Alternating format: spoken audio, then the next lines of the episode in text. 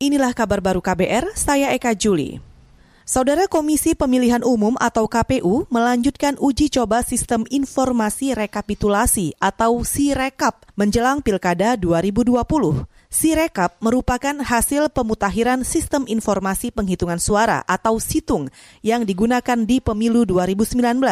Ketua KPU Arief Budiman mengatakan sistem ini akan dikembangkan dalam bentuk aplikasi digital sehingga masyarakat makin mudah mengakses informasi tentang tahapan dari hasil pemilu. Awalnya hanya digunakan untuk kepentingan internal, untuk mempercepat, mempermudah pekerjaan-pekerjaan KPU.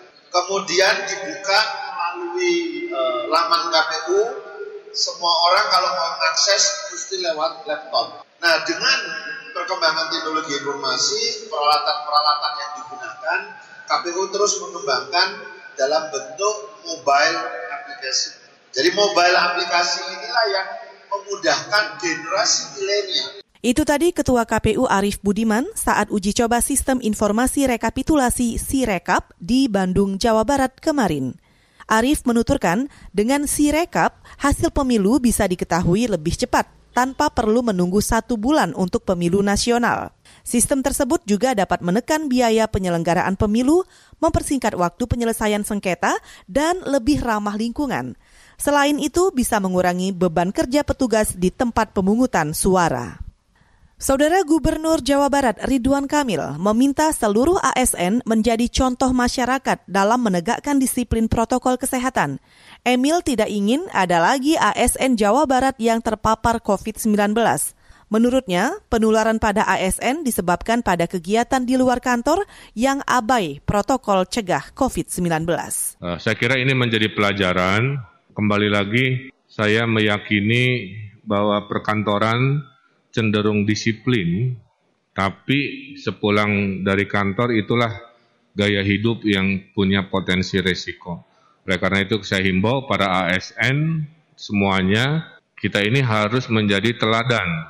Jangan sampai terdengar berita lagi kantor-kantor pemerintahan terpapar. Gubernur Jawa Barat Ridwan Kamil mengingatkan kasus COVID-19 didominasi orang tanpa gejala atau OTG.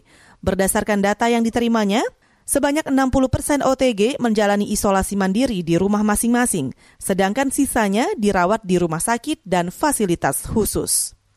Kita ke berita olahraga. Simulasi Piala Uber yang digelar PBSI di Pelatnas Cipayung, Jakarta Timur, sesi pagi bakal mempertemukan tim Banteng dengan tim Raja Wali. Poin di dua partai awal bakal menentukan nasib kedua tim. Partai pertama menyuguhkan pertarungan antara dua tunggal utama Indonesia, Ruseli Hartawan dari tim Banteng melawan Fitriani.